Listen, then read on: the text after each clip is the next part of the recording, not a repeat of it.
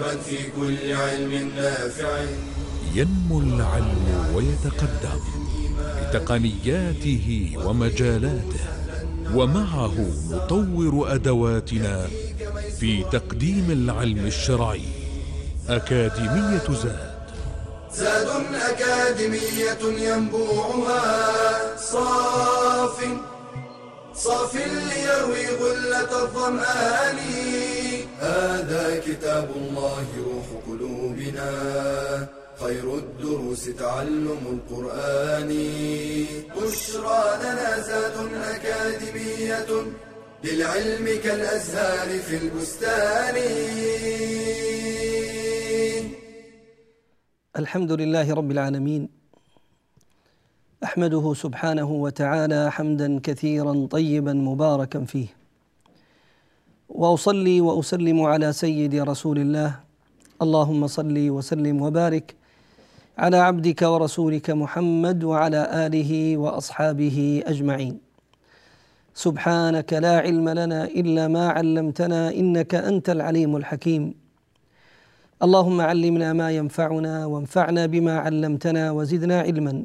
ما شاء الله كان. ونعوذ بالله من حال أهل النار. اللهم لا سهل إلا ما جعلته سهلا وأنت تجعل الحزن إذا شئت سهلا. اللهم ارزقنا الإخلاص والتوفيق والقبول والعون إنك ولي ذلك والقادر عليه. ثم أما بعد أيها الأحبة الكرام حياكم الله واهلا وسهلا ومرحبا بكم. مع برنامجنا الذي نعيش وإياكم فيه مع كتاب الله تبارك وتعالى. ننظر في معاني كلام ربنا تبارك وتعالى. نعيش في ظلها. نستنبط ونستلهم شيئا من فوائدها ودروسها وعبرها. سائلين الله تعالى أن ينفعنا وإياكم بما نقول ونسمع. أيها المباركون نحن كما تعلمون نعيش مع سورة الانفطار. وكنا قد تحدثنا في اللقاء السابق عن أوائل هذه السورة المباركة ثم تحدثنا عن السياق القرآني بعد ذلك الذي يقرر البعث ووقوف العباد بين يدي الله تبارك وتعالى والذي ذكر حقيقة من الحقائق التي تجعل الكثير من الناس يقدمون على فعل على فعل المعاصي والسيئات وهي اغترارهم بكرم الله تبارك وعز وجل. اغترارهم بكرم الله تبارك وتعالى. يا أيها الإنسان ما غرك بربك الكريم؟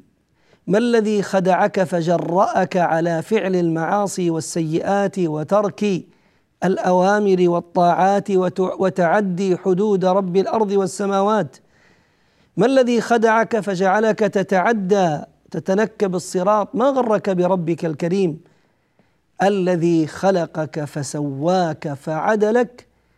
في أي صورة ما شاء ركبك. قلنا أن الله تبارك وتعالى هنا يلفت نظر الإنسان إلى ذاته إلى حقيقته. إلى خلق الله تبارك وتعالى له. يلفت الحق سبحانه وعز وجل هذا المخلوق الذي غره كرم الله تبارك وتعالى وغرته نفسه الأمارة بالسوء وغره وغره جهله بالله تبارك وتعالى فوقع في تلك المعاصي يلفت الحق تبارك وتعالى نظره إلى خلق الله له. انظر في نفسك وفي أنفسكم أفلا تبصرون؟ الذي خلقك فسواك فعدلك فعدلك في أي صورة ما شاء ركبك؟ سبحانه وتبارك وتعالى. والله لو تأمل الإنسان في خلق الله عز وجل له في هذه الأجهزة المنتظمة الغاية في الدقة الجهاز الهضمي والجهاز التنفسي التناسلي العصبي غيرها من الأجهزة المتكاملة التي يعمل كل جهاز فيها بغاية في الدقة والروعة. الذي خلقك فسواك فعدلك. لو تأمل الإنسان فقط إلى خلق الله تبارك وتعالى لجزء يسير في أذنه وهي ما تسمى بالأذن الوسطى. التي جعل الله تبارك وتعالى فيها قرابة أربعة آلاف جزء دقيق من أجل ضبط هذا الصوت ووصوله بإتقان وغاية في الروعة فلا يلتبس على الإنسان شيء من كلام المتكلم. الذي ينظر إلى بصره فينظر إلى خلق الله تبارك وعز وجل فيه. إذ جعل تلك المستقبلات الضوئية التي تعد بالملايين من تلك الشعيرات العصبية الدقيقة كمستقبلات ضوئية حتى تضبط لك الصورة عند الرؤية وعند النظر في هذه المخلوقات التي تحيط بك خلقك فسواك وجعل خلقك معتدلا في أي صورة ما شاء ركبك من الحسن أو غير ذلك. سبحانه وتبارك وتقدس. ثم قال الله عز وجل كلا بل تكذبون بالدين. الواقع والحقيقة أن الإنسان هذا المغرور الذي خدع بكرم الله أو خدع بجهله أو خدع بحلم الله تبارك وتعالى ففعل هذه المعاصي الله عز وجل يقول له كلا وكلا هذه كما ذكرنا ونذكر وسنذكر إن شاء الله أنها أداة ردع. وزجر فيردع الله تبارك وتعالى بها هؤلاء هؤلاء الذين تنكبوا الصراط وفعلوا تلك الأفعال المشينة يقول الله لهم كلا فإن الحال أنهم مكذبون بيوم الدين. هذه هي الحقيقة حقيقة إقدامهم وجرأتهم على المعاصي والسيئات هو أنهم كذبوا بيوم الدين يوم الجزاء يوم القيامة. إذ لو وقر الإيمان بيوم القيامة في نفوسهم وأيقنوا بذلك إيقانا تاما ما كان هذا حالهم. وما كانت تلك والله تصرفاتهم. ما كان إقدامهم على المعاصي والمنكرات والسيئات وتركهم للطاعات والخيرات. لكنه عدم الإيمان باليوم الآخر بل التكذيب البين الواضح فزعموا ألا آخرة وألا قيامة. زعم الذين كفروا أن لن يبعثوا. قل بلى وربي لتبعثن. وهنا يقول تعالى كلا بل تكذبون بالدين. ثم يلفت سبحانه وعز وجل نظر هؤلاء إلى أمر قد غفلوا عنه. نسوه أو تناسوه. وهو قال الله عز وجل وإن عليكم لحافظين. انتبه يا ابن آدم انتبه يا من تسير في هذه الحياة وانت تتنكب الصراط ان عليكم لحافظين هؤلاء الحافظون هم الملائكه الحفظه الذين وكلهم الله تبارك وتعالى بكتابه وحفظ كل قول أو فعل يكون من ابن آدم الذين وكلهم الله تبارك وتعالى بكتابة وحفظ كل قول أو فعل يكون من ابن آدم. سواء كان هذا القول أو الفعل للجوارح أو للقلب. سواء كان قول اللسان أو فعله قول القلب أو فعله فعل هذه الجوارح. كل ذلك ستجده يا عبد الله محفوظا مكتوبا. مسطر قد كتبته هذه الملائكة في تلك الصحف فلا يضيع منه شيء لا يخفى على الله منه خافية سبحانه وتبارك وتقدس وإلى الفاصل ثم نعود إليكم إن شاء الله. بشرى لنا زاد أكاديمية للعلم كالأزهار في البستان.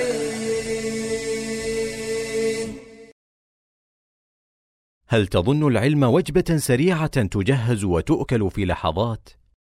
بل يحتاج طالب العلم إلى صبر طويل قال يحيى بن أبي كثير.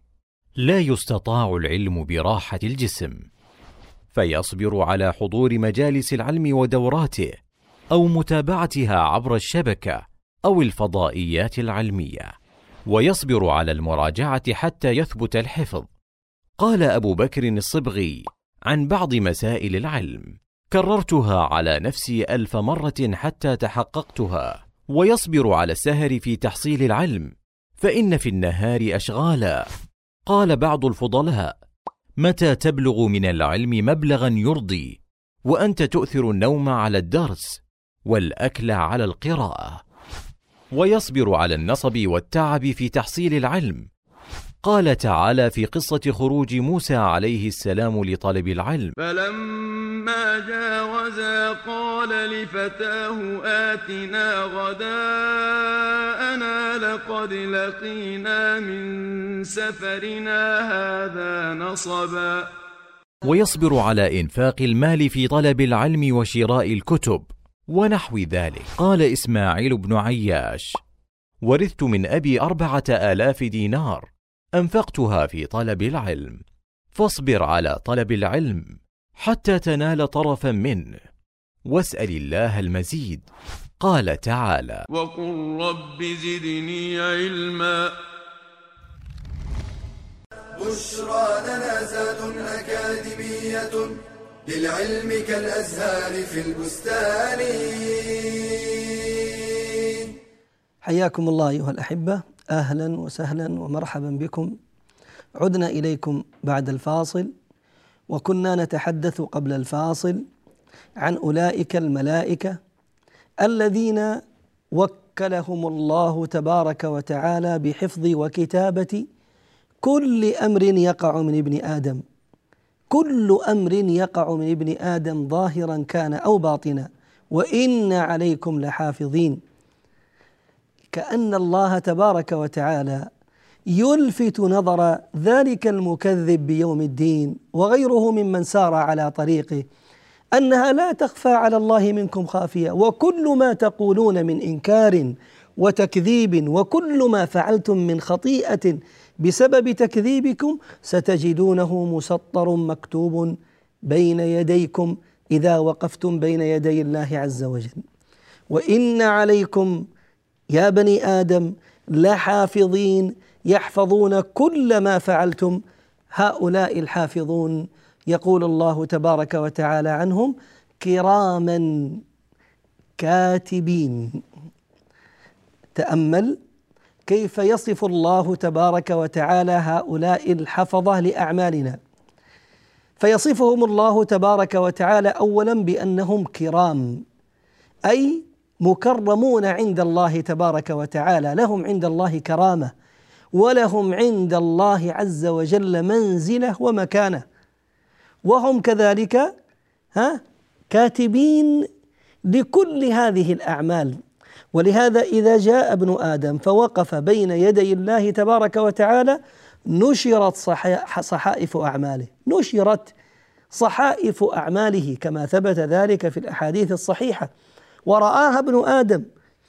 أمور قد خفيت عليه بل قد نسيها وراحت ومرت ومضت مع السنين التي عاشها لكن الله عز وجل حفظها في تلك الصحائف التي ستمد أمامه أمام ناظريه.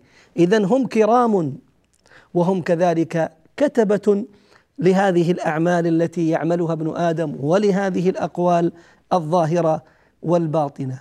ثم أيضا هؤلاء الملائكة يقول الله عز وجل في وصفهم يعلمون ما تفعلون.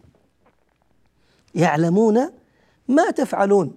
فقد أعطاهم الله تبارك وتعالى القدرة الكاملة على علمهم لكل أمر يقوم به ابن آدم. كل أمر ظاهرا أو باطنا سواء كان من أعمال الجوارح أو كان من أعمال القلوب. الله عز وجل جعلهم شهودا على هذه الجوارح جعلهم شهودا على هذه المضغة وهي القلب فيكتبون ويسطرون يعلمون ما تفعلون. ثم بدأ الحق تبارك وتعالى يذكر لنا المصير الأخروي لكل المكلفين على هذه البسيطة. وكل مكلف من الإنس أو الجن لا يخلو من واحد من حالين. الحالة الأولى هي حالة الأبرار والحالة الثانية عياذا بالله هي حالة الفجار. بدأ الله تبارك وتعالى بذكر حال الأبرار ثم ثنى سبحانه وعز وجل من باب المقابلة بذكر حال الفجار. فقال تبارك وعز وجل إن الأبرار لفي نعيم. اسمعوا يا عباد الله يا أولياء الله. إن الأبرار الأبرار أيها الأحبة الكرام جمع بر. والبر هو ذلك المتقي لله تبارك وتعالى. والمراد بالمتقي لله الذي يفعل الأوامر ويترك النواهي. فمن فعل ما أمره الله تبارك وتعالى به واجتنب ما نهى الله تبارك وتعالى عنه فتلك هي التقوى. خل الذنوب صغيرها وكبيرها ذاك التقى واصنع كماش فوق أرض الشوك يحذر ما يرى. وهو أيضا ممن يفي بعهد الله ووعده سبحانه وتبارك وتعالى. هؤلاء هم الأبرار باختصار العبارة. رجل متق لله امرأة متقية لله تبارك وتعالى وهو قد وفى بما عاهد الله تبارك وتعالى عليه. إن هؤلاء الأبرار يقول الله عز وجل إن الأبرار لفي نعيم. أي نعيم؟ إنه النعيم المقيم الذي لا يحول ولا يزول. أين؟ في كل الدور الثلاثة. إنهم والله في نعيم في الدنيا وإنهم والله في نعيم في البرزخ. وإنهم والله في نعيم في الآخرة إذا دخلوا جنة الله تبارك وتعالى. وأما نعيم الدنيا أيها المباركون فهي تلك السعادة التي يملأ سبحانه وعز وجل بها قلوب هؤلاء الناس الأبرار. فيشعرون ربما أحيانا أحيانا مع ضيق العيش قلة المال عدم الجاه إلا أنهم يشعرون بشيء من السعادة الداخلية والقناعة والغنى النفسي الذي يرون به أنهم قد ملكوا لا أقول الدنيا فقط بل وحتى النجوم في السماء. فتراهم في حالة نعيم دائم. ولهذا قال قائلهم ولهذا قال قائلهم والله لو كان ما نجده في أنفسنا من راحة من نعيم من طمأنينة في الدنيا هو كذلك في الجنة لكفانا ذلك من نعيم الله تبارك وتعالى. اذا هم منعمون في هذه الحياة هؤلاء الأبرار. وهم منعمون في قبورهم. فمتى ما وضعوا في قبورهم فتحت عليهم تلك الطاقة من الجنة فيأتيهم من روحها وريحانها ونعيمها ويأتيه عمله الصالح في أجمل وأحلى صورة فيظل معه ويقال له نم نومة العروس في خدرها. فهو في نعيم في تلك المرحلة من المراحل في تلك الحفرة التي قد وضع فيها. وهو في نعيم في الآخرة. إذا قيل له إذا قيل له هذه الجنة ادخل الجنة عبد الله. ادخل الجنة عبد الله. فوضع أول قدم له. في تلك الجنة فرأى ما فيها من أنواع النعيم المقيم الذي لا يحول ولا يزول. إن الأبرار لفي نعيم. ثم من باب المقابلة. وإن الفجار أعوذ بالله منهم. وإن الفجار لفي جحيم. الفجار جمع فاجر. جمع فاجر. والفاجر هو ذاك الذي تنكب الصراط. ذاك الذي تعدى حدود الله عز وجل ذاك الذي لم يأتمر بأمر الله تبارك وتعالى فيفعله بل تركه وذاك الذي لم يأتمر أو لم ينتهي عما نهى الله تبارك وعز وجل عنه فتراه قد عمل ما نهى الله عز وجل عنه. إذا الفاجر كلمة الفاجر عياذا بالله من الفجور من الفجر. ذاك الذي فجر فجورا كبيرا ففعل تلك الموبقات المهلكات دون أن يرعوي دون أن ينظر إلى أمر الله تبارك وتعالى ونهيه. هؤلاء الفجار أين مكانهم؟ هم في الجحيم عياذا بالله. هم في الجحيم يعني في النار نسأل الله السلامة والعافية. هم في جحيم في الدنيا وهم في جحيم عياذا بالله في برزخهم في قبورهم. وهم والله في جحيم في الآخرة. أما جحيم هذه الحياة الدنيا فهو ذلك الضنك الذي أخبر الله تبارك وتعالى عنه كما قال عز وجل ومن أعرض عن ذكري فإن له معيشة ضنكا. يعني في هذه الحياة أول كل شيء فإن له معيشة ضنكا ونحشره يوم القيامة أعمى. في هذه الحياة يشعر وكأن جبال الدنيا كلها على قلبه من الكدر والهم والغم مهما جمع من الأموال مهما بلغ من المناصب مهما وصل من الجاه والسلطان إلا أن قلبه قد أوحش وقد أظلم عياذا بالله فأصبح مظلما من كثرة الذنوب والمعاصي التي رانت عليه وللحديث بقية إن شاء الله بعد الفاصل.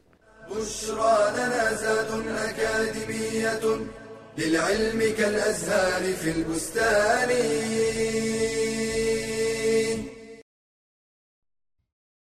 فارق كبير بين من يسافر لنزهة سياحية أو لمشاهدة مباراة وبين من يسافر لطلب العلم فالرحلة لطلب العلم موصلة إلى سعادة الأبد قال النبي صلى الله عليه وسلم من سلك طريقا يلتمس فيه علما سهل الله له به طريقا إلى الجنة وبالرحلة يلقى الطالب العلماء وينوع المشايخ ويقارن بين المناهج ويجدد نشاطه ويزيد خبراته. قال الشعبي لو أن رجلا سافر من أقصى الشام إلى أقصى اليمن فحفظ كلمة تنفعه رأيت أن سفره لا يضيع. وهل من شيء أشرف من العلم يرحل في طلبه وقد رحل موسى عليه السلام في ذلك رحلة شاقة. وإذ قال موسى لفتاه لا أبرح حتى أبلغ مجمع البحرين أو أمضي حقبا. ورحل الصحابة والعلماء من بعدهم في طلب العلم المسافات حتى سافر بعضهم شهرا في طلب حديث واحد وقطع بعضهم في طلبه أكثر من خمسة آلاف كيلو. سيرا على قدميه. فإن عجزت عن الرحلة في طلب العلم فلا أقل من التعلم عبر الشبكات والشاشات. قال النبي صلى الله عليه وسلم سددوا وقاربوا والقصد القصد تبلغوا.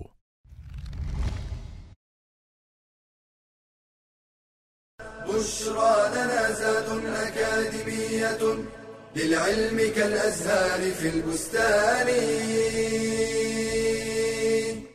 مرحبا بكم أيها الأحبة حياكم الله.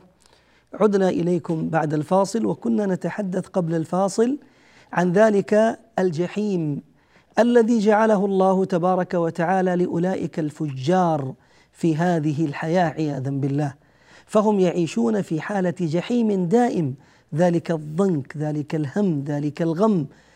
الذي يعانيه ذلك البعيد عن الله تبارك وتعالى مهما أوتي من المال والجاه والسلطان فهو والله في سوء على سوء لأن قلبه قد أظلم بمعصية الله تبارك وعز وجل في الحديث. يخبرنا عليه الصلاة والسلام أن هذه القلوب التي تتلقى هذه المعاصي كل معصية تقع يقع موقعها في قلب العبد نكتة سوداء. إذا فعل العبد معصية نكت في قلبه نكتة سوداء. ثم معصية فنكتة سوداء نكتة سوداء. حتى يصبح هذا القلب أسود مربادا كالكوز مجخيا كالكوب المقلوب. لا يعرف معروفا ولا ينكر منكرا إلا ما أشرب من هواه. ماذا تتوقع من قلب قد أظلم من كثرة الذنوب والمعاصي؟ إلا ذاك الهم والغم والكدر الذي ملأ عليه هذه الحياة بأسرها.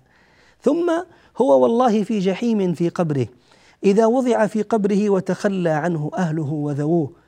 تخلى عنه من كان حوله ربما سلاه بكلمة. تخلى عنه ماله ربما استغله فيما يسمى بمتعة. كل ذلك زال عنه فحبس مع عمله. فتراه في جحيم دائم. إلى أن يشاء الله عز وجل فيفتح أول ما يفتح له عياذا بالله طاقة من النار فيأتيه من حرها وزمهريرها. نعوذ بالله إلى ما شاء الله. ثم يأتيه عمله الخبيث في أقبل أقبح صورة وفي أنتن ريح في أقبح صورة. وفي أنتن ريح فيجاوره في تلك الحفرة المظلمة التي تضيق عليه حتى تختلف أضلاعه عياذا بالله. فيلتهب عليه ذلك القبر بأنواع وصور من العذاب إلى ما شاء الله تبارك وتعالى. نعوذ بالله من عذاب القبر. وهذا جحيم وأي جحيم؟ ثم هو في جحيم إذا وقف بين يدي الله تبارك وتعالى في الآخرة. فقيل له ادخل النار. وكان من أهل النار وبئس القرار. فرأى تلك الأصناف والصور من الجحيم الذي أعده الله تبارك وتعالى له في تلك الحفرة القع البعيد قعرها الكثير الشديد نيرانها. أعاذنا الله وإياكم من النار. إن الأبرار لفي نعيم وإن الفجار لفي جحيم. هذه الجحيم يصلونها يوم الدين يعني يوم الجزاء وما هم عنها بغائبين. لا يمكن أن يغيب هذا الفاجر عن النار ابدا. فلا يقضى عليهم فيموتوا ولا يخفف عنهم من عذابها. كذلك نجزي كل كفور وهم يصطرخون فيها. ربنا أخرجنا نعمل صالحا غير الذي كنا نعمل. مع تلك الصرخات ومع تلك النداءات المتكررة التي يرجون بها أن يخفف عنهم أو أن يخرجوا من النار فإن ذلك لا يكون البته عياذا بالله. فما هم عنها بغائبين؟ ما هم عنها بغائبين بخارجين منها ولو للحظات ليأتيهم من روح الجنة وريحانها؟ ما هم بغائبين عنها بموت؟ فلا يقضى عليهم فيموتوا ولا يخفف عنهم من عذابها. وبئس العذاب الذي سيكونون فيه إذا جيء بالموت فذبح بين الجنة والنار. وقيل لأهل الجنة يا أهل الجنة خلود فلا موت ويا أهل النار خلود فلا موت. الله يعيذنا وإياكم من النار وبئس القرار. وما هم عنها بغائبين. ثم قال الله عز وجل وهو يفخم ويهول لنا ذلك اليوم العظيم الذي سنبصره ونعاينه قطعا وحتما. قال تعالى وما أدراك ما يوم الدين ثم ما أدراك ما يوم الدين. انظر إلى هذا التفخيم الذي جاء بهذا الاستفهام الذي يدل على تلك العظمة المتناهية التي جعلها الله تبارك وتعالى لذلك اليوم العظيم. تلك العظمة التي وصفها الله عز وجل في كتابه بأشد الأوصاف فسماه بالجاثية بالقارعة بالزلزلة سماه بالطامة بالصاخة بالآزفة. هذه الأسماء الكثيرة المتتابعة التي تهز القلب هزا. وما أدراك ما يوم الدين؟ وما أدراك ما يوم الدين؟ ثم يكرر سبحانه عز وجل هذا التفخيم وهذا التهويل ثم ما أدراك ما يوم الدين. يا ربي بين لنا شيئا مما سيكون في ذلك اليوم. من ذلك الهول والخطب الشديد الذي جعلته فيه. قال يوم لا تملك نفس لنفس شيئا والأمر يومئذ لله. في ذلك اليوم لا تملك نفس لنفس شيئا شيئا نكرة لا صغير ولا كبير. لا يستطيع الإنسان أيها الأحبة الكرام أن ينجي نفسه من عذاب الله تبارك وتعالى. فضلا فضلا على أن يستطيع أن ينجي غيره. ففي ذلك اليوم لا تملك نفس لنفس شيئا من الفكاك. ولا من الخلاص بل كل إنسان في ذلك اليوم العظيم مرتهن بعمله الذي عمله في هذه الحياة. إن خيرا فسيلقى من الخير الكثير بفضل الله ورحمته التي وسعت كل شيء. وإن كانت الأخرى من الشر والسوء فسيلقى الجزاء بعدل القدير سبحانه وتبارك وتعالى. هل تستطيع في ذلك اليوم أن تنجي زوجتك أن تنجي أمك أن تنجي أحدا من أولادك من أقاربك. الجواب لا والله. ففي ذلك اليوم لا تملك نفس لنفس شيئا أبدا. أصلا في ذلك اليوم كل مخلوق سيفر من الآخر. فضلا أن ينظر عن خلاص غيره. يوم يفر المرء من أخيه وأمه وأبيه وصاحبته وبنيه. لكل امرئ منهم يومئذ شأن. يغنيه فلا تملك نفس لنفس شيئا. ثم قال تبارك وتعالى والأمر يومئذ لله وحده لا شريك له ولا رب سواه. أين ملك الملوك؟ أين سلطان السلاطين؟ أين أموال الأغنياء؟ أين جاه أصحاب المناصب؟ كل ذلك زال وحال وأصبح لا شيء بعد أن كان. لا يكون في ذلك اليوم إلا أمر الله عز وجل الواحد الأحد.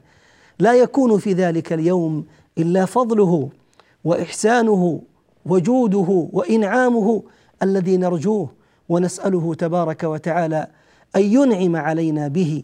نحن معاشر المؤمنين فإنه لن يدخل أحد الجنة بعمله. لن يلجها إلا برحمة الله تبارك وتعالى. فنسأل الله عز وجل أن يعاملنا بلطفه وبرحمته التي وسعت كل شيء. الأمر في ذلك اليوم لله فسيعامل أولئك الفجره أولئك الكفره وفقا لعدله وفقا لعدله الذي سجل سبحانه وتبارك وتعالى عليهم كل صغيرة وكل كبيرة فجزاء سيئة سيئة مثلها. ذاك عدل الله تبارك وعز وجل. فينبغي للمؤمن أن يضع نصب عينيه مثل هذه الأمور. ينبغي للمؤمن العاقل والمؤمنة العاقلة أن يضع كل واحد منهم نصب عينيه. ذلك اليوم العظيم. والله يا إخوان متى ما عمرت قلوبنا بالإيمان باليوم الآخر ووصل ذلك إلى درجة عالية من اليقين لاستطعنا بإذن الله عز وجل أن نرعوي عن كثير من أمورنا. ما الذي جعل أصحاب النبي صلى الله عليه وسلم من المسابقين للخيرات الباذلين للغالي والنفيس في في في حياتهم؟ ما الذي جعل أبو بكر الذي لم يكن كبلال صب عليه العذاب صب ولم يكن كغيره من الصحابة الذين ربما بذلوا من الأموال ما بذلوا ولم يكن كغيره من الصحابة الذين خرجوا للجهاد كخالد وإنما ذاك الذي وقر في نفسه من اليقين فارتفع به عند الله تبارك وعز وجل حتى استطاع حتى استطاع أن ينال قسب السبق في كل مضمار فاستحق أن يلج الجنة من كل أبوابها. رزقنا الله عز وجل وإياكم يقينا صادقا وإيمانا كاملا. أسأل الله أن يعمر قلبي وقلوبكم بحقيقة ويقين الإيمان باليوم الآخر وأن يجعل ذلك عونا لنا ولكم في هذه الحياة. إنه سميع قريب مجيب الدعاء. والحمد لله رب العالمين. تلك العلوم دروسها ميسورة. في صرح علم الراسخ الأركان. بشرى لنا بشرى لنا بشرى لنا زاد أكاديمية للعلم كالأزهار في البستان.